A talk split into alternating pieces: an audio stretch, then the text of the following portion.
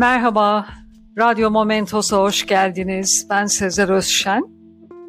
Bugün güzelim şehir Antakya'nın ismi ve şehir olarak kurulma hikayesine göz atalım hep beraber. Selevkos adında bir başkomutan varmış.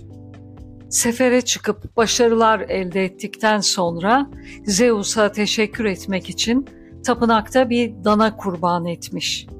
Ateşler yanarken birden gökyüzünde bir kartal belirmiş. Bu herkes için çok anlamlıymış. Çünkü kartal Zeus'un yardımcısı olarak bilinirmiş. Yani inanışa göre yardımcısı Kartal'ı tapınağa Zeus göndermiş. Kartal ateşin ortasına dalmış ve dananın uyluğunu kaparak göklere yükselmiş. Selevkos oğluna ata binip kartalın yanan eti nereye götürdüğünü öğrenmesini istemiş. Kartal Emetya'ya doğru uçuyormuş. Selevkos'un oğlu kartalın vakti zamanında Büyük İskender'in o bölgedeki su kaynağından çok etkilenerek yaptırdığı Zeus sunağının en tepesine eti bıraktığını görmüş. Bunu derhal babasına iletmiş.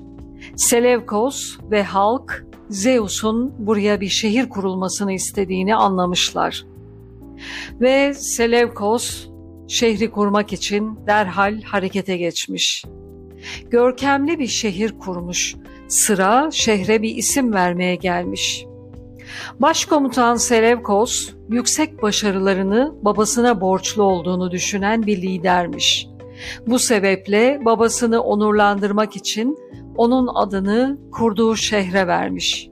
Selevkos'un babasının adı Antiyokos'tur. Günümüzde bilinen haliyle Antakya, pagan dönemde Tanrı Zeus'un buyruğuyla kurulmuş kadim şehir Antiyokos. Antakyalı filozof Libanius'un İsa'dan sonra 398 tarihinde yazdığı Antakya'ya Övgü adlı eserinden alıntılandı bu yayın.